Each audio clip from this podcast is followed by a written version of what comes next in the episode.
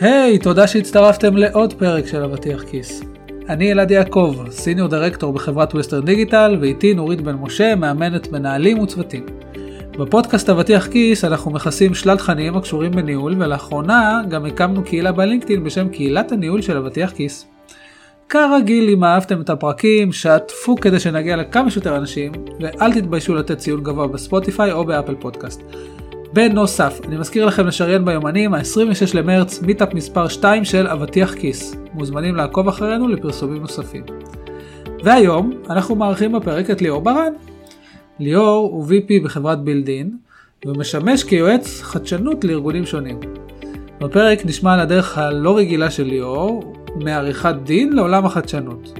ואיך היום הוא מייעץ ועוזר לארגונים שונים לקדם נושאי חדשנות, ואיך בכלל מנהלים ומנהלות יכולים לקדם חדשנות גם בארגון שלהם.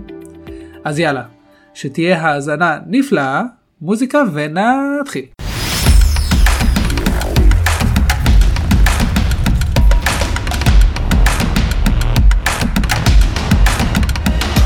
ברוכים הבאים לאבטיח כיס, פודקאסט בנושא ניהול עם נורית בן משה ואלעד יעקב. בוקר טוב נורית מה העניינים? אהלן בוקר טוב. איזה כיף להיות פה היום אנחנו מקליטים באולפן בגני התערוכה. כבר פעם שנייה אולפן של אה, עומר למפרט בגני התערוכה. אחלה אולפן. באמת אחלה מקום אה, מרגיש לי אני מרגיש כמו איזה מוזיקאי פה יש פה עוד ממש אה, אולפן הקלטות עם החלון השקוף הזה. אה, ממש נחמד. סוף להיות רוקסטאר. כן כמו רוקסטאר זה חלום. אתה מבין אני מה המחשבה שלי שזה ליד הרכבת אז אני באה בצ'יק. נכון נכון זה גם uh, יתרון. כל אחד והעולמות תוכן שלו. והיום יש לנו גם אורח uh, מיוחד אנחנו לא פה לבד רק אני ונורית יש לנו אורח ליאור ברן. נכון. אז ברוך הבא ליאור. Uh, בוקר טוב תודה שהזמנתם אותי ללהקה שלכם. כן זהו אתה גיטרה בס? כן. פעם ראשונה שאתה מקליט פודקאסט? כן פעם ראשונה. אה מזל טוב. וואו אנחנו הראשונים. תהיה טובה. לא מתעללים בו עכשיו אלעד תדע. אני בדרך כלל זה נורית כן אני אני בסדר. אוי הנשמות הטובות. בשביל מה צריך אויבים כשיש את אלעד. אני באתי כשאני סומך עליכם לחלוטין ואני בידיים שלכם. תיזהר עם המחשבות האלה לא תמיד הן מתגשמות. אבל רגע אני רוצה להכיר ברצינות את ליאור. אז ליאור אתה סמנכ"ל בחברת הייעוץ בילדין שזו בעצם חברה שבונה תהליכי חדשנות בארגונים. הדבר אני חושבת המעניין ואנחנו בטח עוד תכף נצלול ונדבר שהיית מנהל החדשנות באחד ממשרדי עורכי הדין הגדולים ביותר בישראל. נכון. ובמקביל גם הנחית הסדנאות של עיצוב, עיצוב חשיבתי אומרים את זה? חשיבה עיצובית. חצ... חשיבה עיצובית זהו, משם דרך אגב גם אני הכרתי את ליאור, נכון. אני הלכתי לעשות קורס. של חשיבה עיצובית. כן, הוא היה המנחה בקורס הזה יחד עם רוני ובארגון שנקרא דיסקאבריס. דיסקאברס. דיסקאברס. נו, אני מלאת טעויות היום, מה יהיה? ולפני זה, לפני זה, שבכלל נכנסת לעולמות האלה, היית מה שנקרא עווד. עורך דין, כן, נכון? נורית הציגה לנו את המילה עווד. ניסינו להבין מאיפה כן, אני וליאור לא כל כך הכרנו, אבל זה עורך דין למי שלא מכיר. זה רק מראה שאני כבר זקנה קצת יותר. ומי שמבין את הרפרנס יבין ומי שלא יכול לשאול אחרי זה ואני אסביר מאיפה זה בא. אבל בקיצור היית עורך דין בכלל. והגעת מעולמות תוכן אמנם מסחריים אבל שונים. נכון זה נכון אבל בסוף כשאני מסתכל על זה זה בעצם אני 13 שנה כבר בעולם הזה וזה עולם שיש לו מכנה משותף מאוד מאוד גדול. המכנה המשותף זה שאתה בעצם יועץ לחברות ולארגונים על תהליכים מאוד מאוד מורכבים בין אם זה תהליכים משפטיים בין אם זה בתוך הארגון כשאתה מנהל חדשנות ואתה רוצה להבין את הארגון ולקדם אותו לדבר הבא ולשמור על הרלוונטיות שלו אתה צריך להבין את המורכבות של הארגון ואיך מקדמים את זה קדימה. ובין אם זה היום כיועץ שעובדים המון המון ארגונים ואנחנו בעצם באים לעזור לארגונים האלה להישאר רלוונטיים לכן ב-13 שנים האלה אה, באמת עשיתי אה, שינוי בתחומים אבל יש שם איזשהו מכנה משותף מאוד מאוד גדול שהחזיק אותי כל הזמן שזה המקום הזה של לעבוד כל הזמן עם ארגונים להיות היועץ שלהם ולהבין רגע את האתגרים המאוד גדולים ואיך אנחנו יוצרים להם ערך. אז בוא רגע נעשה צלילה אחורה קצת ספר רגע על הדרך המקצועית שלך. זאת אומרת, אז ברור שסיימת תואר במשפטים. כן, סיימתי תואר במשפטים והלכתי להתמחות במשרד גורניצקי, משרד גם אז גם היום נחשב לאחד הגדולים והמובילים בשוק.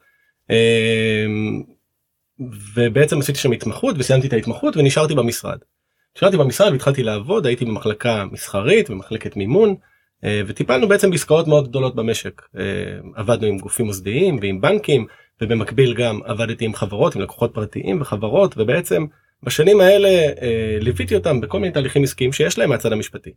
יש לי שאלה אתה רצית להיות עורך דין כדי שתוכל להגיד objection בבית משפט כי זה כאילו מה שכולנו חושבים שהם שומעים לא, עורך דין. כדי שאמא תהיה כאילו זה לא? ה highlight של הקריירה נכון כאילו לצעוק objection objection זה זה דווקא אף פעם לא היה איך זה בעברית יש כן. את זה בעברית כאילו מה אומרים התנגדות התנגדות. כן, מודה? שהייתי פעם אחת בבית משפט בכל הקריירה המשפטית שלי וגם זה היה דיון בבית המשפט העליון אבל אין לי שום מושג איך זה מתנהל באמת.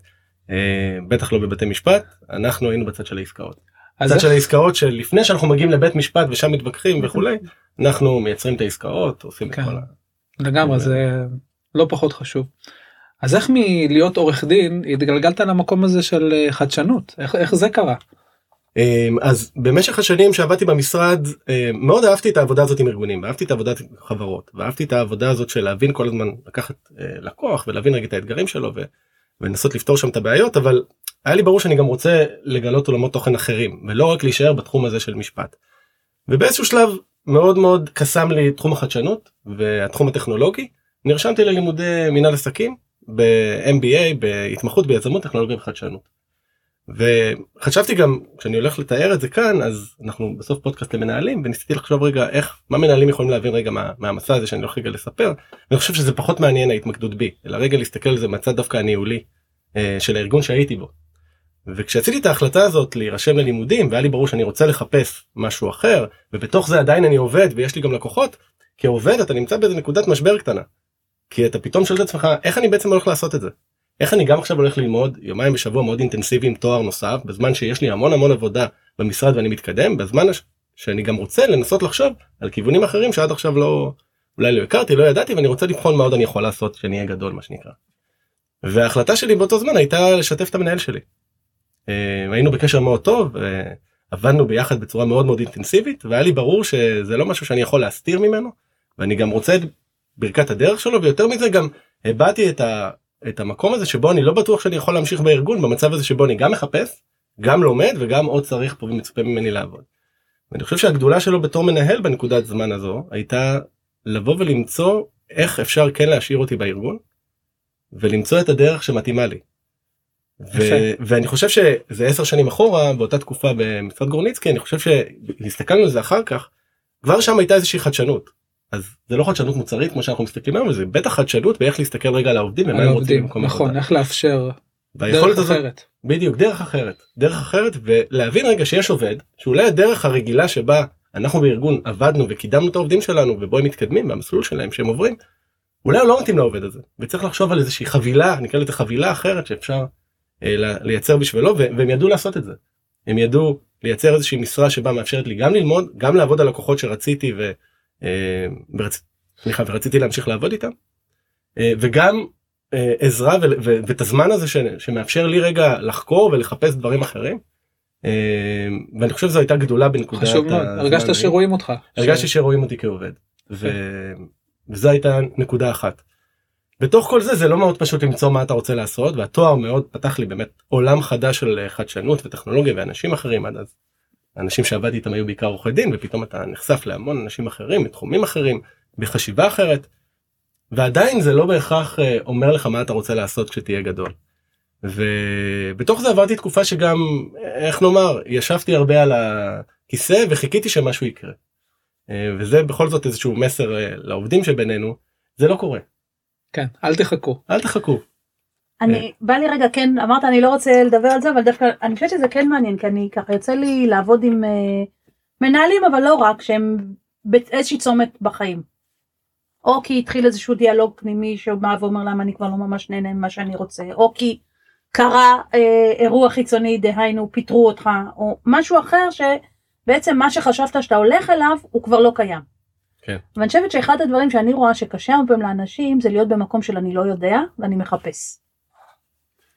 אז אני דווקא אשמח קצת לשמוע על, על המקום הזה של, שלך, כי הוא מטלטל המון כן זה, זה מקום באמת מטלטל, מטלטל כי במיוחד שאתה נמצא כבר באיזושהי נקודה בקריירה. זאת אומרת זה לא תחילת הקריירה שבה גם יש מהסביבה את הפריבילגיה הזאת של אה, אה, לחפש ולקחת את הזמן ולמצוא את הדבר אתה בעצם כבר נמצא באיזשהו מסלול.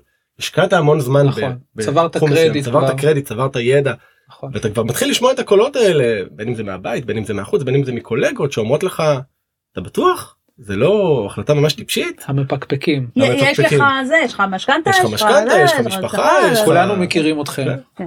כן, המפקפקים. ובתוך זה צריך רגע לדעת להיות אה, כנה עם עצמך ולהגיד אוקיי נכון השקעתי כמו עלות שקועה השקעתי המון. אבל יש עוד כברת דרך לפניי האם זה אומר שעכשיו בגלל החלטות מסוימות שעשיתי בתחילת הדרך אני צריך להמשיך. או שמה שחשוב זה רגע שאני אגשים את עצמי ואמצא את המקום שבו אני חושב שאני יכול להיות. אה, אני חושב שגם מה שיפה. שעשית את זה בצורה שהיא לדעתי מאוד טובה זאת אומרת מצד אחד היית מאוד פתוח עם המנהל ויצרת איזה מין מקום כזה שהוא יותר בטוח במעבר הזה ובעצם ההיחשפות שלך לעוד דברים ול- ולראות כאילו לבדוק דברים אה, עדיין במין רשת כזאת שעדיין בטוחה ולא בעצם לזרוק הכל ולצאת שזה. שזה באמת לא טריוויאלי כי אני גם כן. מכיר אחרים שארגונים וחברות שלא בהכרח אה, אמרו אז תלך. כן שהיו יכולים להגיד בסדר גמור הנה הדלת אה, ולהתראות. אבל אתה יודע מה יפה? לעוד כמה שנים הם הרוויחו אותך. או זה זה בדיוק יפה. זה בדיוק העניין כי בסוף בתוך המסע לפעמים. הזה הייתי במקום הזה כמעט 12 שנה. זאת אומרת באותו מסע שמחפש וזה ו- וזה מביא אותי אולי לנקודה הבאה שבו בתוך החיפוש הזה ברגע שכבר התחלתי להיות יותר אקטיבי. ומה זה אומר להיות אקטיבי? זה אומר לחשוב רגע באמת על אוקיי איזה תחומים יכולים להיות רלוונטיים יכולים להיות לתחום- רלוונטיים לתחום שעסקתי בו יכולים להיות רלוונטיים אה, לתחום שבו אני מומחה אה, אם זה טכנולוגיה אולי ו, ומימון אז אולי פינטק וכאלה להתחיל לשים את התחומים האלה על השולחן במקום לחכות לאיזה משהו שלא יקרה להתחיל לעשות את זה למשהו יותר קונקרטי משהו ויזואלי שאפשר רגע לדבר עליו. אז זה תחומים מצד אחד ומצד שני זה להתחיל לפגוש אנשים בהרבה מאוד מקצועות כדי להכיר אתה לא יודע כלום אתה נמצא במקום אתה עובד בארגון הרבה מאוד שנים אתה מכיר את הארגון. פתאום כשאתה מתחיל להיפגש עם המון המון אנשים נפגשתי עם המון אנשים. אה, אנשים שהם מנהלי תפעול ומנהלי פיתוח עסקי. איך עשית את זה איך הגעת לאנשים האלה אז בשלב הראשון היה לי מאוד קל להיפגש עם אנשים שאני מכיר. ואמרתי לעצמי הייתה לי טבלה כזאת מאוד גדולה די, באופן ליאור מפתיע טבלאות. טבלה טבלה מאוד גדולה אה, שבעצם ניסיתי רגע להבין עם מי אני רוצה להיפגש. וזה באמת קשה זה תהליך נורא קשה אתם מכירים את זה פגישת קפה להגיע מישהו שלא מכיר. ל- ל- לנסות לפגוש אותו ולדבר איתו על דברים אה, שקשורים בקריירה זה קצת אה, מפחיד. אה, כדי להתמודד עם זה אז קודם כל אמרתי אני צריך גם קצת להשתפשף אז אני קודם כל נפגש עם אנשים שאני מכיר שנוח לי להיפגש איתם שזה כן. חברים שלי אנשים שאולי היו בעולם המשפט ועברו לתפקידים אחרים אז הם גם בעולם תוכן מאוד רלוונטי כי מעניין אותי לשמוע איך הם עשו את המעבר והרעיון זה לא לחפש עבודה. הרעיון זה לשמוע מה הם עשו וללמוד מהם. אה, ואנשים מאוד מוכנים לספר מאוד מוכנים לשתף. שזה אה, תמיד מפתיע. שזה תמיד מפתיע אבל לא מפתיע. כמה. כן לא אני אומרת תמיד אנשים חוזרים בקטע של וואו בעצם אנשים שמחים לשתף שמחים מאוד לשתף ושמחים לעזור. ו... בדיוק ככה. ושמחים לעזור גם האנשים שהם חברים שלך ואחר כך האנשים שהם יודעים להפנות אותך אליהם שהם אולי קצת פחות מכירים אותך אבל הם דרגה שנייה ובסוף גם שמחים לעזור אנשים שבכלל אתה לא מכיר אותם אבל איזה חבר הרים טלפון ואמר אתה חייב להיפגש איתו ויצאו לי משם קשרים מדהימים. מדהימים מאנשים שבהתחלה היינו זרים ואחרי זה המשיכו להתעניין ולהביע אה, ו, ולעזור ו, ויצרנו קשרים אחר כך. אז אני עוצרת רגע סימנתי עכשיו לליאור רגע רגע כן. כי אני רוצה רגע לקרקע את ה... במובן החיובי את התובנה הזאת בעצם כל מי שנמצא בתהליך של חיפוש ולא יודע זה בסדר לא לדעת והדרך איכשהו קצת אה, אה, למוסס את אי הידיעה או, או להפוך אותה למשהו קצת יותר ודאי זה לצאת החוצה ולדבר עם אנשים כן אני מסכים לגמרי. תבדקו את עצמכם ו- ולהתחיל עם מי שנוח לך במקום החם בבריכה בריכה של הקטנים שאין נכון. סכנת טביעה נכון. ואחר כך משם ללכת אני קוראת לזה שיטת לינקדין כי בעצם אתה אחרי שנפגשת עם אלעד אז אתה שואל את אלעד מי החברים שלך ואז נכון, הוא מפנה אותה נכון. או לזה ואז אין לי דרך חברים אני אתה באמת זה אישיות בודד. בעייתית. מי ששומע אני די בודד כן ובתוך זה באמת אה, אם יש עולמות תוכן שיותר מעניינים אז אתה גם אגב לינקדאין אתה יודע גם להסתכל על אנשים ולהגיד אוי יש פה בן אדם שמאוד מעניין אותי לדבר איתו. איך אני יכול להגיע לבן אדם הזה ופתאום מסתבר שיש לנו גם חברים משותפים שיודעים לעשות את החיבור הקטן הזה ואנשים כמו שאמרת קודם מאוד נכונים לעזור הם מאוד רוצים לפגוש מאוד נכונים לעזור אה, ומוכנים להקדיש את הזמן הזה וזה לא טריוויאלי בדיוק באותה מידה שאני עשיתי את זה לאחרים. שפנו אליי. וגם עוד משהו עכשיו שאני חושבת לא לא הלכת רק למשהו אחד נכון זה שלב החיפוש. היית מאוד פתוח בהתחלה. שלב כן. החיפוש אנחנו מרחיבים את, הסקופ. אנחנו רגע כן. מנסים להסתכל ואני. זה, זה, זה הרחבת יריעה אבל מצד שני אתה כל הזמן מנסה להיות מחובר רגע לדברים שאתה מביא איתך. כי אתה הסתכלתי רגע על... מדייק את עצמך אתה מדייק את אתה עצמך. מדייק את מה את הכיוון שאתה רוצה ללכת אליו נכון. אז הסתכלתי על לקוחות שעבדתי איתם וידעתי שיש לי יכולות מסוימות שקשורות דווקא יותר לאופריישן וכאלה כי זה חברות שעבדתי איתם על דברים שהם קצת פחות משפטיים. אז זה תחום שרציתי לגלות. מהתחום המשפטי המימוני שהתעסקתי פה אז ניסיתי להבין מה זה עולם הפינטק ואולי שם יהיה העניין. התעסקתי גם קצת בפיתוח עסקי במשרד ולכן גם פגשתי אנשים שמתעסקים בפיתוח עסקי ובעצם וגם ניסיתי לפגוש אנשים ש, שהם באמת בתחום אחר לגמרי בשביל לנסות רגע להבין אולי התחום הזה מעניין אותי. ולאט לאט גיליתי גם את עולם החדשנות מחדש כאילו עשיתי תואר זה היה פעם אחת. ולצד זה התחלתי ללכת לכנסים ולאירועים זאת אומרת פגישות זה משהו אחד אבל גם ללכת לכל מיני אירועים רלוונטיים בתחום. זאת להיחשף לגילדה שלך. בדיוק להתחיל להבין שיש פה כל מיני קבוצות ש... שמתקיימות אה, גילדות שנפגשות שיש להם אירועים משותפים עולם תוכן משותף שאתה יכול רגע לראות אם העולם תוכן הזה מעניין אותך מעבר לשיחה אחד על אחד עם מישהו על תפקיד מסוים. בוא רגע נבין את עולם התוכן הזה. ואירועים זה כלי מצוין בשביל רגע להכיר את השחקנים המרכזיים. כל אירוע כזה אתה רואה גם מי השחקנים המרכזיים בתחום לומד קצת על התחום ורואה אם זה מעניין אותך ושם אה, בעצם גיליתי את קהילות החדשנות. אה, היו קהילות חדשנות של המכון הישראלי לחדשנות התחלתי ללכת לאירועים ונחשפתי לדבר הזה שנקרא מנהל חדשנות ולזה שיש הכשרות לניהול חדשנות. ושם פתאום קורה איזשהו קסם שאתה מחבר רגע את הארגון שאתה נמצא בו היום לדבר הזה שנמצא רגע בחוץ ניהול חדשנות ופתאום הסתכלתי רגע על הארגון. ואמרתי רגע אנחנו מה קורה איתנו בעצם זיהית צורך בעצם. לא, בדיוק לזהות רגע איזשהו צורך שאומר אנחנו גם ארגון מאוד מאוד גדול אה, אנחנו מתקדמים ומתפתחים וגדלים. התחום הזה משתנה התחום הזה מתפתח הטכנולוגיה נכנסת גם לעולם המשפטי יש איומים מבחוץ. ורגע למה אצלנו אין פונקציה כזאת שמנהלת את החדשנות ובעצם אפשר להגיד שיש כי יש מנכ"לית ויש שותפים מנהלים שמובילים את הארגון ואז מה? אבל גם נראית- הזמן שלהם הוא יקר. ואיך נראית השיחה שלך עם המנכ"לית כשהבנת את זה? מה איך אה, איך נראה הפיץ'? אז זה באמת אה, רעיון שפתאום התחיל להתגלגל שצריך לייצר כאן איזושהי פוזיציה שמתעסקת בזה ב-100% מהזמן ולא רק אה, עובדים שנותנים חלק מהזמן או המנכ"לית שהיא באמת צריכה לנהל ארגון שלם ופתאום מוצאת עצמה נפגשת עם סטארט-אפים אה, על טכנולוגיות מסוימות אין לה את הזמן הזה היא צריכה אה, להוביל ארגון שלם. אה, מה זה בכלל חדשנות במשרד עורכי דין? כאילו, אם אני רגע אולי עושה הכללה, אתם לא חזית החדשנות. אתם, נכון? הם אה, הם, זהו, אתה כבר לא, אבל בגדול העולם הזה של משרדי עורכי הדין, איך שאני לפחות תופסת, הוא לא מוביל במובן הזה, כלומר, הוא, הוא נכנסו דברים, בטח הטכנולוגיה שנכנסה וכולי, אבל הוא עדיין לא ה... אה, כמו. כמו הרבה ארגונים כן מה זה מוביל כמו הרבה ארגונים יש את עניין האימוץ אה, וזה לוקח זמן. את מסתכלת רגע על עולם משרדי עורכי דין עולם המשפט זה עולם מסוים עולם אה, שכבר חי הרבה מאוד שנים עם פרקטיקות ותיקות יש משרדים שכבר קיימים 80 שנה שמנהלים אותם באותה צורה שעובדים באותה צורה כל ארגון קשה לו לעשות שינוי. אה, משרדי עורכי דין בעניין הזה לא שונים בהכרח מארגונים אחרים שאנחנו מכירים קשה לעשות שינוי. וזה מובן לגמרי. אה, זה מפחיד לעשות את ה... לשנות את הדרך שבה אנחנו עובדים. זה גם לפעמים לא נראה שזה קרוב אלינו כי אתה שומע על איזשהו איומים שאולי יהיו בעתיד איומים טכנולוגיים אבל אתה לא רואה את זה כאן ועכשיו. וכאן ועכשיו אתה רואה את הלקוחות. אתה רואה את הביזנס ואתה רואה את הכסף שאתה צריך להכניס ואת העובדים שאתה צריך אה, לדאוג להם למשכורות אבל זה בדיוק העניין של של לנהל חדשנות זאת אומרת להכניס את, הפ... את הפונקציה הזאת בארגון שיודעת רגע להגיד בסדר גמור יש את העסק תמשיכו לקיים את העסק אבל בוא ביחד ננסה רגע עם אנשים בארגון להבין גם איך ייראה העסק של המחר ולא רק העסק של היום. ועולם המשפט עובר פה איזשהו תהליך ואני חושב שמה שהיה לפני כמה שנים זה לא מה שהיה כשאני נכנסתי לתפקיד וכבר מאז עברו שלוש שנים וגם העולם הזה משתנה.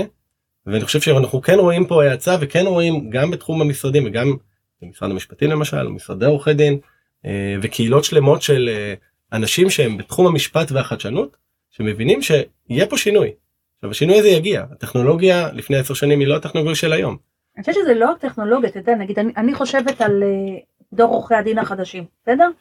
אין להם, לא בראש להם עכשיו להיות אה, 20 שנה ואז תקד... כאילו הם רוצים עכשיו, אוקיי, מה, מה המסלול שלי נכון. להתקדמות? אז- איזה תיקים אתה נותן לי שמעניינים לי? זה אני כן רוצה לעבוד, זה אני לא רוצה לעבוד בו. כלומר, סוגיות שאני לא יודעת כמה משרדי עורכי דין פעם זה, זה. זה נקודה מעולה כי בסוף באמת חדשנות זה לא רק טכנולוגיה וגם במשרד עורכי דין אה, אנחנו לא רוצים בהכרח רק לרוץ לטכנולוגיה. אגב כי זה לפעמים קצת יותר קשה גם אה, לאמץ את הטכנולוגיה הזאת כי אנשים יודעים עושים את מה שהם עושים באותה דרך ועכשיו להמטיר עליהם 15 תוכנות חדשות שאולי עושים דברים עושות, עושות דברים אחרת זה לא בהכרח הפתרון כי הם פשוט לא ישתמשו בזה. אה, ובאמת חדשנות זה לא רק טכנולוגיה והעניין הזה של עובדים וזה גם חוזר למה שדיברנו בתחילת ה... אה, בתחילת הדרך על, על המקום הזה של המנהל זה רגע גם להסתכל על העובדים וכשאני מסתכל רגע על חדשנות במשרדי עורכי דין אז יש הרבה מאוד וקטורים. אחד זה העובדים איך אנחנו עובדים עם העובדים שלנו איזה מסלולי קידום אנחנו מייצרים להם איזה כישורים אנחנו מקנים להם מקנים להם והדור של היום זה כבר קלישאה הוא לא הדור שהיה פעם וזה היה נכון גם לדור שהיה פעם שלא היה כמו הדור שהיה לפניו. אבל זה בהכרח מצריך ממשרדי עורכי דין ובכלל מארגונים לעבוד אחרת עם העובדים שלהם. אמ, וזה מקום אחד מקום שני זה באמת איך אנחנו עובדים התהליכי העבודה שאנחנו מייצרים בפנים. מקום שלישי זה כן הטכנולוגיה איזה כלים טכנולוגיים אנחנו משתמשים.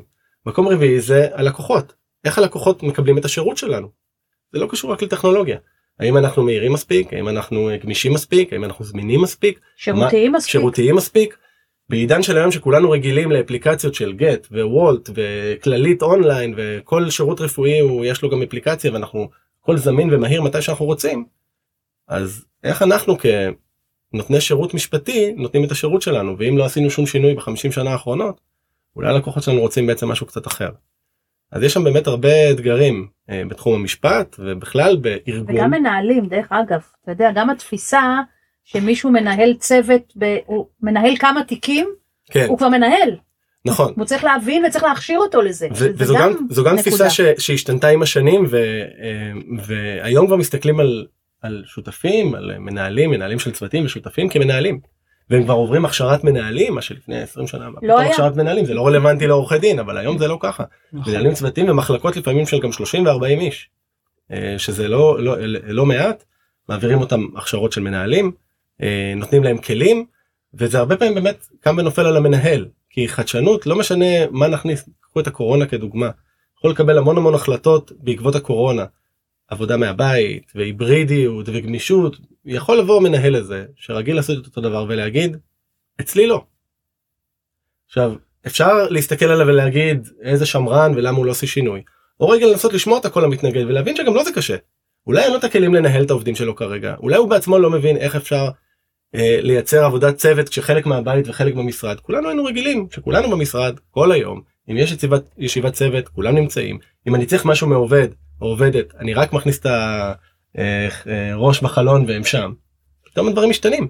גם מנהלים צריכים את הכלים כדי להתמודד עם החדשנות הזאת ולכן האתגר של הארגון הוא באמת נכון חדשנות זה להסתכל לא על עובדים אה, על מנהלים על תהליכים על טכנולוגיות על האנשים ולראות איך כל הדבר הזה עובד ביחד. בעצם. מאוד מורכב. זה לא תמיד ורוד וקסום חדשנות זה אני- בא הרבה פעמים עם דברים גם כאילו שינויים שהם פחות אה, נעימים זה לגמרי נכון. נכון. עוד משהו שאני דיברת מקודם על הלקוחות אז אני אומרת בטח אנחנו ב- בישראל שיש לנו כמות אדירה של סטארט-אפים זה זן חדש של לקוחות. זה חבר'ה שהרבה פעמים הם יותר צעירים הם נכון. אוהבים יותר אה, אה, דינמיות הם. אוהבים שקיפות מערכת. יחסית אחרת קצת מ- אז מדברים ליאור בעצם. כמה שנים אה, היית בעצם אה, מוביל חדשנות במשרד עורכי דין ואז ואז היית כמה שנים הייתי כמעט שלוש שנים שלוש שנים. של אה, מנהל חדשנות במשרד אה, שגם זה אם אני חוזר רגע להחלטות הניהוליות ניהוליות זה עוד מקום שבו אני יכול רגע אה, להחמיא לארגון הזה ולהגיד הנה מנהלת בעצם מנכ"לית הארגון ידעה להגיד יש כאן איזשהו תפקיד שאני מזהה ואני שאלת קודם על הפיץ' אז בפיץ' הזה ובאמת היה פיץ' כי אנחנו מנסים רגע להבין אם הדבר הזה רלוונטי ודיברנו רגע למה צריך את זה למה צריך לעשות חדשנות מה זה חדשנות למה צריך את זה מה האיומים רגע על משרדים כיום ואיך הדבר הזה יכול להביא ערך לארגון ולעובדים אה, וללקוחות. ו... ו... והם ידעו להשכיל להבין את הדבר הזה וגם לסמוך. ובעצם. כמו שאמרת קודם מתוך ההחלטות הניהוליות, הניהוליות האלה אני בסוף נשארתי בארגון כמעט 12 שנה. משהו שאם זה לא היה שם אז כנראה שהייתי אחרי כמה שנים כבר עוזב. מה עושה מנהל חדשנות במשרד עורכי דין? קודם כל הדבר הראשון זה לזהות אתגרים. אתה רגע צריך להבין מה האתגרים של המשרד ו... ו... ולפעמים יודעים להגיד לך את זה ולפעמים לא יודעים להג- להגיד לך את זה. לפעמים מי שמובילים את המשרד יודעים להגיד אלה האתגרים שלנו ועכשיו אנחנו צריכים לראות איך אנחנו נמצאים שם ולפעמים גם לא בדיוק יודעים לראות את זה כי אנשים שוב נמצאים בתוך העשייה שלהם. המון פגישות אישיות עם אנשים עם מובילים ומובילות של מחלקות כדי רגע להבין מה מה נמצא על שולחנם מה מטריד אותם מה לא נותן להם לישון בלילה. עכשיו אם זה דברים כמו אה, המסך שלי לא עובד וכולי מעולה זה לא אליי דברו עם ה-IT יפתור לכם את זה. אבל אם זה אתגרים יותר גדולים כמו אני לא מצליח לנהל את הידע כמו שצריך או התוכנות הקיימות הן לא בדיוק עובדות או עובדים עוזבים אותנו וצריך רגע לנסות להבין למה שם אתה רגע רוצה להסתכל על הארגון ולהגיד אוקיי איך אני עם כלים אולי של חדשנות? יכול לנסות רגע לפתור את האתגרים האלה ובעצם לגרום לעובדים שלי להבין שזה המקום הכי טוב להיות פה. וזה אומר למצוא את הגמישות ואת המסלולים המיוחדים שיכולים לגרום להם להישאר. זה אומר לעבוד עם סטארט-אפים וממש טכנולוגי לגמרי להבין רגע איזה סטארט-אפים נמצאים בחוץ ואיזה כלים אנחנו יכולים להכניס פנימה. אחד כדי לגרום לעבודה שלנו להיות יותר יעילה יותר מהירה כי כמו שאמרת קודם הלקוחות שלנו רוצים את זה אז אני חייב לעשות שינויים בבית כדי שיגרמו לזה. אה, להכניס חתימה דיגיטלית לארגון לדוגמה. אה, זה נשמע לנו כמו משהו טריוויאלי אבל בסוף זה מעלה הרבה מאוד שאלות במיוחד שכל מה שאנחנו עושים בארגון זה לייצר מסמכים אה, משפטיים שבסוף מישהו גם צריך לחתום עליהם. ולא בא להם להגיע למשרד בשביל זה, הלקוחות. הלקוחות בטח שלא בא להגיע למשרד. אמ, ואנחנו מדברים פה על עררים של אה, מסמכים יש פה תהליכים מאוד מאוד זה נשמע כמו משהו נורא קטן אבל יש פה תהליכים מאוד מאוד מורכבים כי אנחנו מדברים על המון המון עסקאות שקורות עם הררים של מסמכים שצריכים להיחתם. ופתאום להכניס תהליך כזה של חתימה דיגיטלית הוא קצת משנה את ה... איך שעבדנו עד היום. אבל הוא מביא לנו המון המון ערך. אז אני שני דברים שאני ככה רוצה ל... להבין איתך זאת אומרת מצד אחד אתה יכול לראות דברים וליזום אותם לראות צורך מצד שני אתה בא ואומר אני גם קשוב לאנשים בתוך הארגון ובלקוחות שבאים ואומרים היי יש לנו בעיה או זה מה שאנחנו צריכים. כן בסוף בסוף המטרה המרכזית היא אתה לא אמור לפעול לבד. לפעול לבד כמנהל חדשנות זה זה זה מאוד קשה להצליח.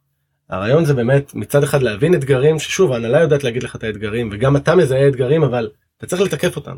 אני לא אעבוד אף פעם על איזשהו אתגר בלי שרגע הבנו את האתגרים ישבנו עם ההנהלה ואמרו לנו מעולה זה הכיוון אתה תמיד צריך ספונסר. אני צריך איזשהו מעבר לזה קודם כל אני צריך את הגיבוי של ההנהלה מעבר לספונסר. אני צריך רגע את ההנהלה שתגיד לי זה הכיוון שאנחנו באמת חשוב לנו חשוב לנו השנה להתמקד ב-X. חשוב לנו השנה שהדבר הזה של עובדים השנה אנחנו שמים דגש על על העובדים. על איך העובדים נראים אצלנו בארגון. איך אנחנו אה, מעסיקים את העובדים שלנו. איך אנחנו אה, גורמים להם אה, להבין שזה המקום הכי טוב. זה הדגש. זה האתגר. ועכשיו בוא נבין מה הבעיות שם. ליאור לי ככה מעניין אז, אז בעצם אחרי שלוש שנים אמרת במשרד עורכי הדין בתור מנהל חדשנות יצאת למין דרך עצמאית נכון וזיהית איזה צורך בשוק ל- להיות uh, בעצם סוג של uh, יועץ מנחה של תהליכי חדשנות איך כאילו מה, מה היה המהלך שם ש, שהניע אותך לעשות את זה. אז אחד הדברים שעשינו ב, ב, במשרד היה להקים קהילת חדשנות. Mm-hmm. וכדי להקים את הקהילה הזאת אמ, אני חיפשתי חברה שתעזור לי בזה. וראיתי את בילדין בילדין זו חברה שאני עובד בה היום. אה, הכרתי את ניר קורן המייסד שלה מהיכרות קודמת והיה לי ברור שאני צריך מישהו שילווה אותי במהלך הזה כי זה חלק מהעניין אני מנהל חדשנות מצד אחד של הארגון ומצד שני יש דברים שאני אולי צריך בהם גם עזרה. ו... ובילדין זו חברה שמקימה קהילות של חדשנות ולכן עשינו את המסע הזה ביחד בתוך הארגון. בתוך הדבר הזה גם למדתי לראות מה זה אומר להיות חברה שבעצם עובדת עם מנהלי חדשנות או עם סמנכ"לים או עם מנכ"לים או מנכ"ליות בתוך ארגונים ומביאה המון המון מהניסיון שלה ומהידע שלה מהעבודה הזאת בהרבה מאוד ארגונים כדי לעזור לארגון לעשות את הצעד הזה שנקרא חדשנות. יפה. ואחרי 12 שנה במשרד זה מאוד מאוד קסם לי לעשות את הצעד הנוסף הזה ובעצם לעבור עכשיו לחברה שעובדת עכשיו עם חברות ועוזרת להם בעצם לעשות את המסע הזה ביחד במשותף. ואתה שם בעצם עד היום נכון אתה היום אה, בבילדין. כן היום אני בבילדין סמנכ"ל ייעוץ אה, וזה מה שאנחנו עושים. יפה. אז איזה איזה תהליכי חדשנות אתם אה, מקדמים בארגונים שונים איזה איזה ארגונים בכלל אתם יש לכם זה, זה רק ארגוני הייטק או שזה all over. אז אנחנו עובדים הרבה מאוד ארגונים כי זה רלוונטי באמת לכל הארגונים אנחנו עובדים עם תאגידים אנחנו עובדים עם רשויות אנחנו עובדים עם משרדי ממשלה אנחנו עובדים עם זרוע חדשנות של האיחוד האירופי זה הרבה פעמים ארגונים גדולים אה, שרוצים להכניס איזושהי תהליך תהליכים של חדשנות ולהפוך את החדשנות למשהו מנוהל למשהו שקיים לאיזשהו שריר ארגוני שיכול כל הזמן לייצר רעיונות ו, אה, ובעצם לשמור על הארגון רלוונטי. בעצם זה בדרך כלל כאילו המנכ"ל למשל או זה יכול להגיע CTO שמגיע אליכם ואומר חבר'ה אני צריך עזרה אני צריך מכם עזרה כי אני צריך להכניס קצת חדשנות אני מרגיש שאין לי מספיק חדשנות בחברה איך עושים את זה זה, זה בערך ככה זה מתחיל התהליך אז זה יכול להגיע ממנהלי חדשנות שרוצים בעצם להניע אצלהם תהליכים בתוך הארגון ומנסים רגע להבין איך לעשות את זה נכון mm-hmm. והם לוקחים אותנו כגוף שעוזר להם בעצם לעשות את המסע הזה ביחד ואנחנו עובדים הרבה מנהלים ומנהלות של חדשנות. זה יכול להיות ממנכ"לים או סמנכ"לים שרוצים להניע תהליך כזה בתוך הארגון ולא בהכרח יש להם מנהל או מנהלת חדשנות אבל הם כן רוצים להכניס uh, תהליך כזה זה לפעמים מגיע דווקא מהמקום של משאבי אנוש לפעמים זה יכול להגיע מהמקום הטכנולוגי אם אנחנו רוצים להבין רגע לפצח אתגר שקשור למוצרים. אמ, זה יכול להגיע מהרבה מאוד מקומות בארגון, הרבה מאוד ממנהלים ומנהלות של חדשנות. אז איך זה נראה בעצם נגיד שיצרנו יצרנו את החיבור עכשיו אתם מגיעים לארגון ואתם צריכים להתחיל לה, להטמיע את כל הנושא הזה של חדשנות איך איך בכלל מתחילים זאת אומרת איך, איך זה קורה. אה, אז זה מאוד תלוי בארגונים וכל ארגון באמת רוצה דברים אחרים בחלק מהארגונים אנחנו מעבירים הרצאות בחלקם אנחנו מעבירים סדנאות ובחלקם יש לנו באמת ייעוץ ארוך טווח שבו אנחנו עובדים שנים עם ארגונים אה, על תהליכי החדשנות הפנימיים. אה, הדבר הראשון זה באמת להבין רגע את המחויבות הזאת של ההנהלה להבין רגע מה הם רוצים לא תמיד הם גם יודעים להגיד בדיוק לאן, לאן הם רוצים להגיע. אבל אנחנו רגע מנסים שנייה לעשות איזשהו מיפוי קטן של בוא נבין רגע מה זה חדשנות איך אתם רואים חדשנות. וזאת שאלה מאוד מעניינת כי כשאתה בא לארגונים ואתה מתחיל לשאול את המנהלים ומנהלות מה זה חדשנות אתה מגלה תשובות שונות. שונות. ספקטרום רחב. ספקטרום מאוד רחב. חלק ירצו לקחת את זה לעולם הטכנולוגי. חדשנות זה לפגוש המון סטארט-אפים. מעולה. חלק ירצו לייעול תהליכים. חייבים לעשות פה את התהליכים יותר מהירים. אחלה. חלק ידברו על, אה, על, אה, על הלקוחות. איך אנחנו עובדים אחרת עם הלקוחות? עכשיו שיש לך מנעד כזה של תשובות אתה חייב רגע לעשות איזשהו אישור קו. אחרת נעבוד על החדשנות בארגון נייצר תהליכים שמייעלים ובסוף הדרך תגיד המנכ"לית אבל לא פגשתם אף סטארט-אפ. זאת אומרת נכון. כל אחד רואה את הדברים אחרת. שמה שאמרת זה ממש אה, יש איזה מין מין אה, מיסקונספציה שחדשנות זה תמיד נוגע בצד הטכנולוגי תמיד חדשנות זה איזה משהו אה, טכנולוגי ככה מתקדם וזה באמת לא ככה תמיד יש הרבה חדשנות בהרבה מקומות אחרים אפילו ברמה של תהליכים שונים איך לעשות משהו לעשות משהו שונה זה גם חדשנות חבר'ה. נכון זה זה זה בעיקר החדשנות אגב ובהרבה ארגונים שאנחנו עובדים איתם זה בכלל לא על העניין הטכנולוגי. זה עניין של להסתכל רגע על איך אנחנו עבדנו עד היום בין אם זה למשל תהליך גיוס של עובדים. אה, זה יכול להיות על המסלולי קידום של העובדים שלנו בתוך הארגון. על איך אנחנו עושים brainstorming אפילו בחברה אה, כדי לייצר אה, רעיונות חדשים זה להכניס קהילת חדשנות לתוך הארגון. חבורה של אנשים שעכשיו תפצח ביחד אתגרים ותהיה מקום ללמידה ול, ו, ותוכל להוביל חדשנות בתוך הארגון. והרבה מהדברים האלה בכלל לא טכנולוגיים. הם, הם להסתכל על הדברים אחרת ולהגיד עד היום עשיתי את מה שעשיתי בצורה מסוימת אבל אם אני אעשה את זה אחרת זה דבר אחד אחרת באופן שמביא ערך לא סתם אחרת כי אם עשיתי את זה אחרת אז אולי זה לא, לא אני לא צריך לעשות את זה. אבל עשיתי את זה גם שונה וגם בצורה שמביאה לי הרבה יותר ערך אז פה יש לי כבר חדשנות. ונגיד שכבר אוקיי החלטנו מה סדר עדיפויות של אותו ארגון ואנחנו יודעים שנגיד אנחנו רוצים לעשות את השינוי ה- שהכי בולט וגם המנכ"ל נותן לכם את הגב ואומר זה השינוי שאני רוצה. מה עושים מפה? זאת אומרת איך, איך יוצאים לדרך? אז אחרי שרגע הבנו את האתגרים ובסוף צריך גם להתמקד קיבלנו את האתגר השניים שלושה אתגרים המרכזיים שבהם רוצים רגע להתמקד אנחנו אה, אה, מקימים צוות או מקימים קהילת חדשנות בתוך הארגון. אה, למה זה חשוב? זה חשוב כי בסוף חדשנות אי אפשר להוביל לבד. אז אם זה ארגון שאין לו מנהל או מנהלת חדשנות אז הוא צריך את האנשים שיובילו את זה. וגם ארגון שיש לו גם המנהל או מנהלת חדשנות ירצו את השותפים לדרך שיוכלו ללכת יחד חייב איתם. מסה קריטית. מסה קריטית של אנשים. דבר שני אנחנו מאוד מאמינים בזה שהחדשנות היא לא מגיעה רק מלמעלה. זאת אומרת זה מחשבה אחת להגיד הבאנו את ההנהלה ועכשיו דיברנו חדשנות מעולה ההנהלה רק נותר שהם יתחילו להמטיר לנו פה חדשנות ורעיונות וכולי. זה כיוון אחד. אבל הכיוון השני זה רגע לשמוע מה העובדים העובדים מכירים את הארגון מעולה. עובדים שנמצאים בארגונים האלה הרבה מאוד שנים הרבה פעמים מצד אחד או עובדים חדשים שהגיעו אבל מכירים את השוק מצוין מביאים יכולות חדשות שאולי למנהלים כבר קצת שכחו. ו, ובעצם כשאתה מקים קהילת חדשנות כזאת אז אתה מייצר המון המון דברים. אחד אתה יש לך פה אה, קבוצה של אנשים שרוצים להוביל שינוי כי זה אנשים שאכפת להם. זה אנשים שאכפת להם והם רוצים לקחת חלק בקהילה הזאת. והם מצד אחד מקבלים המון כלים ואחר כך הם מסתכלים על הדברים אותם כמו שאמרת קודם מסתכלים על הדברים שהם עשו אחרת. יכולים לחזור ליחידות שלהם ורגע להגיד עכשיו אני מסתכל רגע על משהו שעשינו אולי אפשר לעשות אותו אחרת זה דבר ראשון. דבר שני אם יש לי איזה אתגר מאוד גדול בארגון אני רוצה איזשהו מקום שאני יכול לשים רגע את האתגר הזה ולשמוע מה 20 אנשים שכבר עברו איזושהי הכשרת חדשנות שרואים את הדברים קצת אחרת שמסתכלים על הארגון בצורה אחרת מה הם חושבים על האתגר הזה איזה רעיונות יש להם. ושם אנחנו מגלים רעיונות מופלאים וזה וזה רעיונות שלא בהכרח היו מגיעים מההנהלה.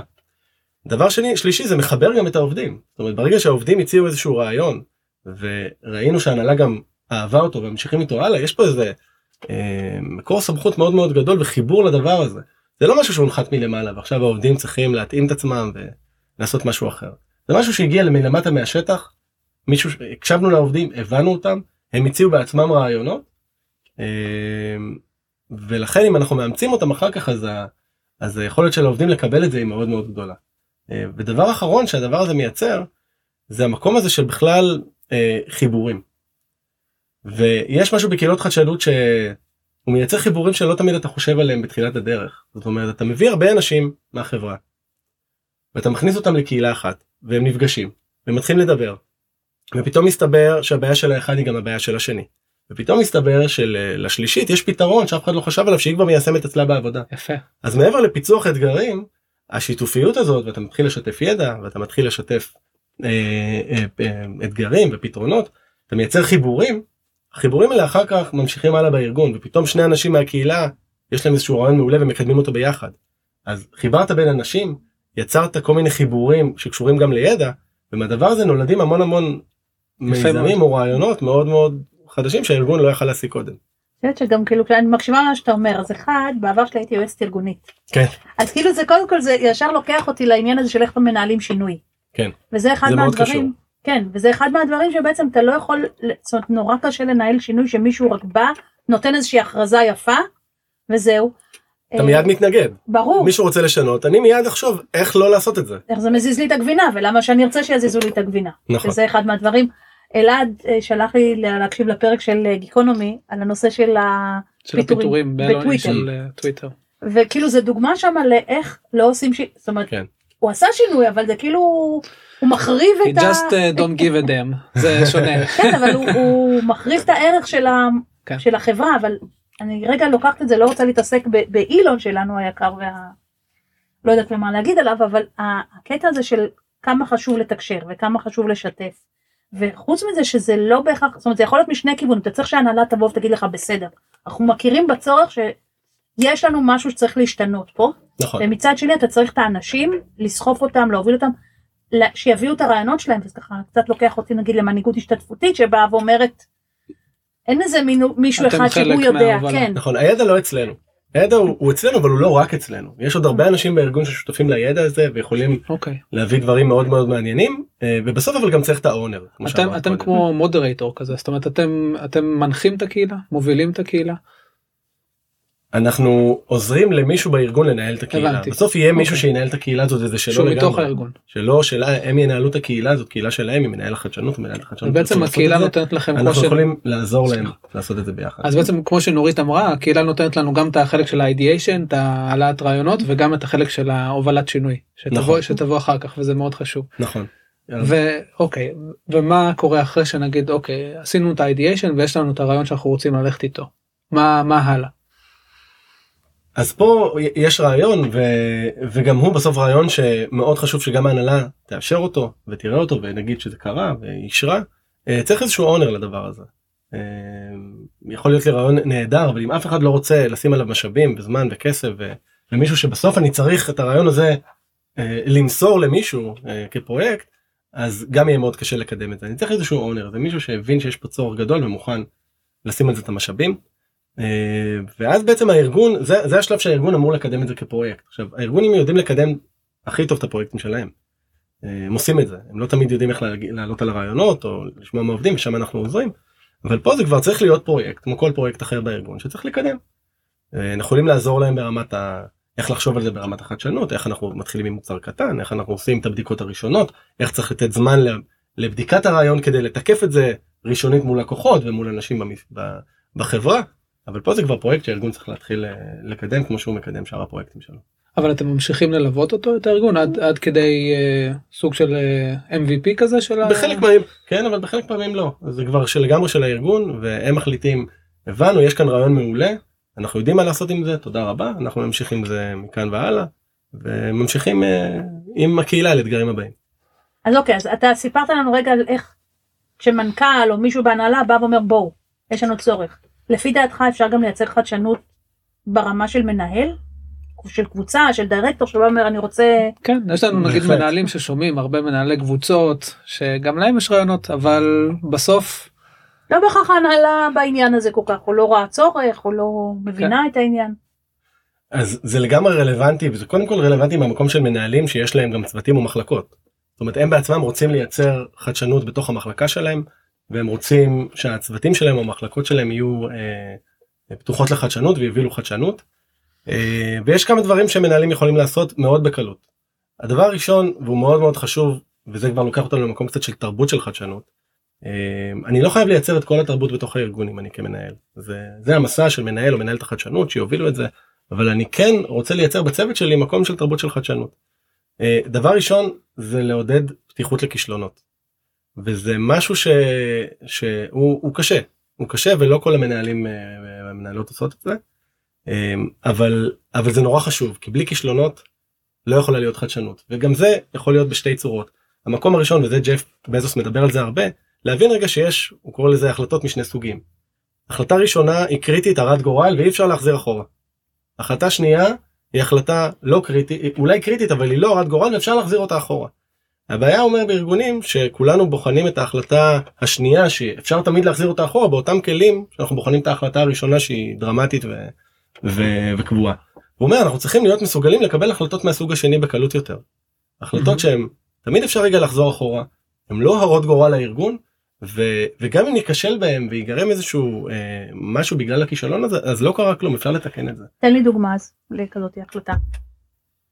אה, אם אני מסתכל רגע על ארגון על איך אני אה, איזה מסלולי קידום יש לעובדים שלי בתוך הארגון. אוקיי. Okay. ואני רוצה לעשות פה איזשהו שינוי. זה לא החלטה רת גורל לארגון. אני יכול לקבל את ההחלטה הזאת לנסות משהו חדש להכניס איזשהו מסלול חדש שלא היה קודם שעושה נותן ערך לעובדים שגורם להם להישאר יותר כי עכשיו בניגוד למסלול קידום כזה או אחר שהיה תחנה כזאת ותחנה שנייה ותחנה שלישית פתאום הכנסנו תחנה רביעית. מה עם תחנה שבה אני בתוך המצע שלי בארגון עובד בארגון אחר. מכיר ארגון אחר מתחרה לא מתחרה מקביל לא מקביל ואחרי שנה חוזר. במשרדי עורכי דין הרבה פעמים זה היה להיות רגע יועץ משפטי בחברה ולחזור אחר כך למשרד חזרה. למה? כי אני רוצה רגע להכיר את הארגונים מבפנים ואז לחזור חזרה ולהבין טוב יותר את הבעיות שלהם. זה לא הרי גורל ואני יכול לעשות את זה עכשיו זה יכול להיכשל זה יכול לא להיכשל יכול שזה ישאיר את העובדים יכול שזה לא ישאיר את העובדים אני לא יודע אבל אם אני מוכן רגע לנסות את הדבר הזה אז זה לייצר חדשנות ואני צריך את ה mindset הזה. אה, מול העובדים שלי אני רוצה רגע לדבר איתם על כישלונות אני רוצה לתת להם את המקום שבו אתם מכירים את זה שיש ישיבת אה, צוות שבה אנחנו או מעדכנים אחד את השני על הסטטוסים של הפרויקטים שזה מעניין את מי שהפרויקט רלוונטי אליו או שכל אחד מספר על איזה הצלחה גדולה שהייתה לו השבוע מעולה הבנתי שהצלחת כולם מנסים להדיר את עצמם נהדר מה למדתי מזה. שהכל אה, זז. שהכל זז הכל עובד נהדר וזה אבל לא באמת למדתי מזה שום דבר. הבנתי שהוא הצליח או היא הצליחה. הבנתי שיש איזשהו סטטוס נכון. הבנתי שעמדת ביעדים שלך מצוין אחלה. נכון המנהל מבין שהכל זז נכון. הצוות פחות לומד מה, מה בדיוק מה למדנו כצוות?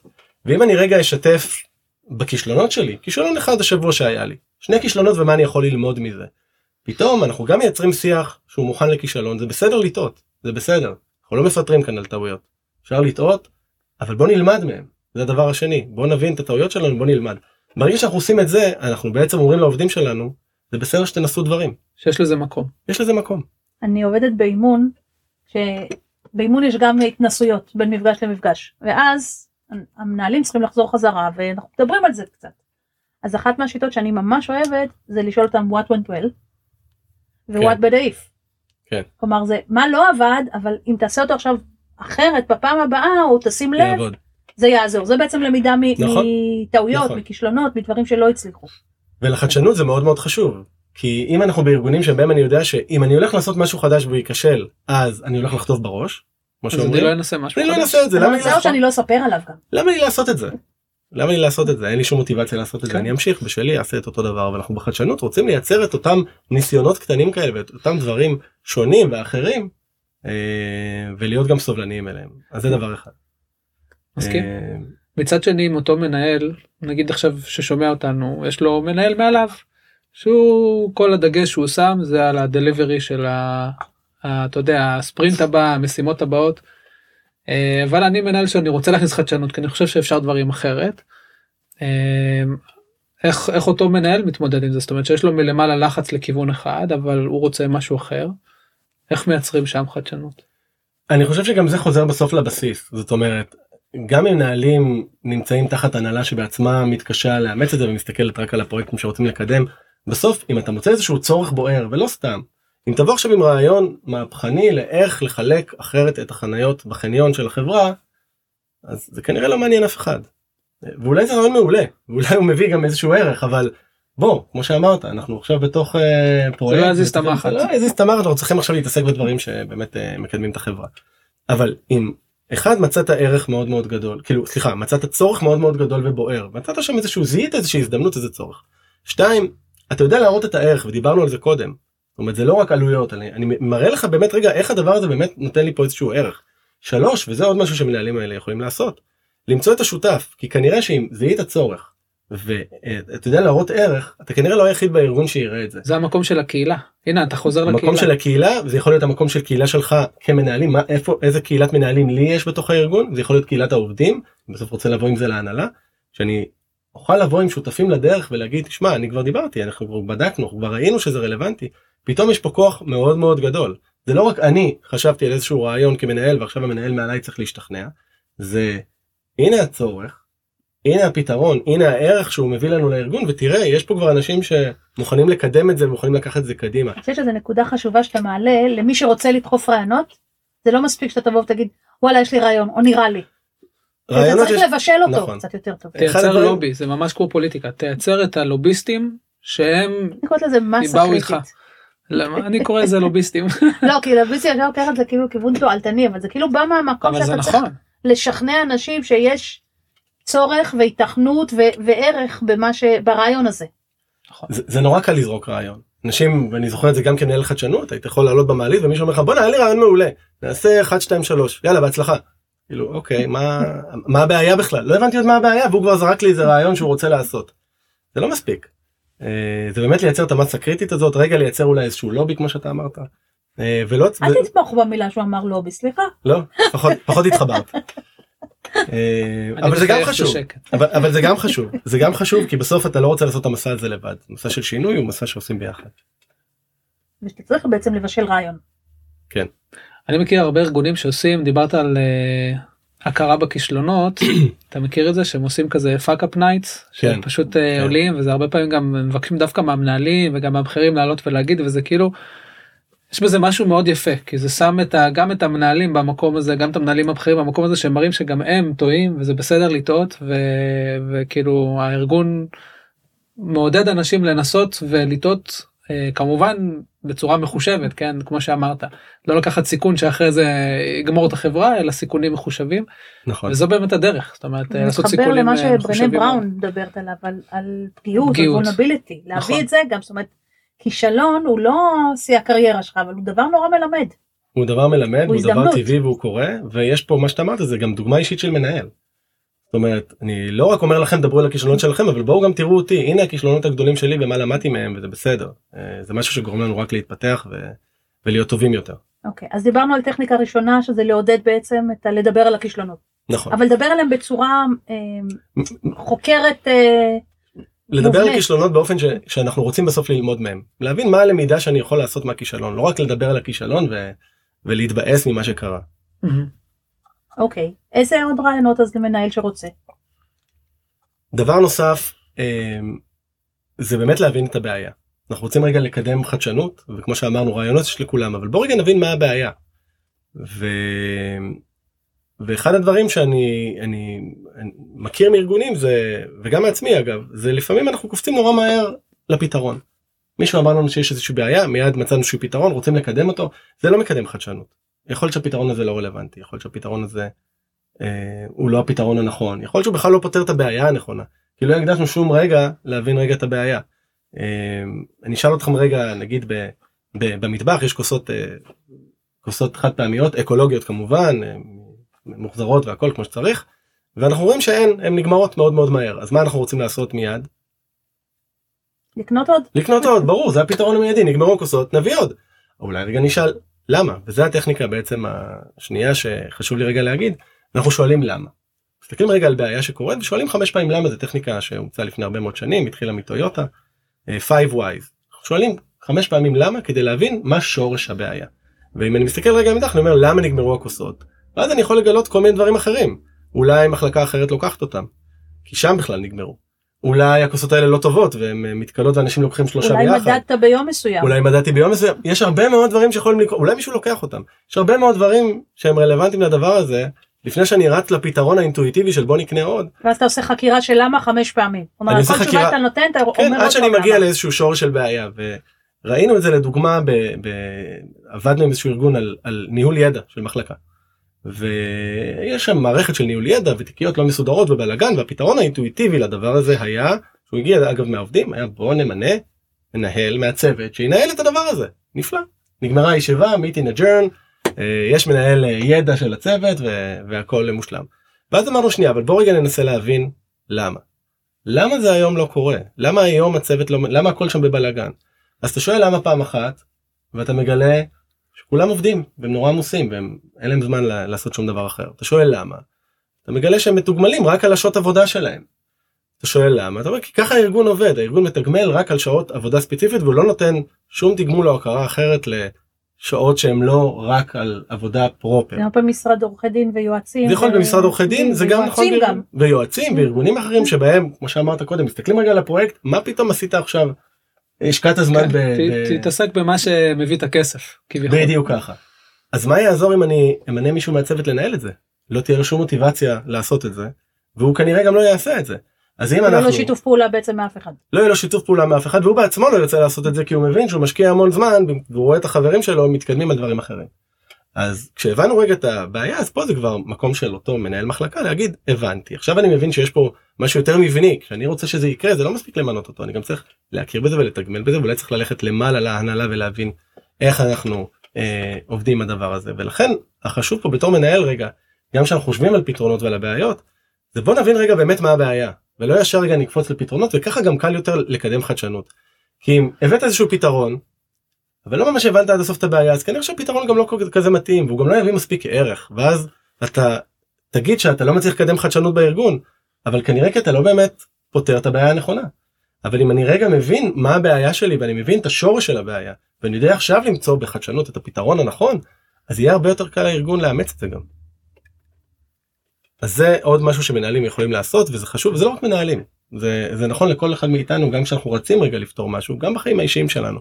שנייה לה- להבין רגע למה למה למה להגיע לשורש הבעיה לפני שאנחנו רגע רצים לא לפתרון. לקפוץ מהר לפתרון. נכון. אהבתי. טוב, היה מאוד מעניין ליאור. מאוד שמחנו לש- לשבת פה ולדבר איתך. אה, תודה תודה רבה. רבה. היה לי. מרתק, היה לי מרתק שמחתי מאוד. זהו, ש- ועכשיו אתה פורץ בקריירת אה, פודקאסטים, אני מקווה.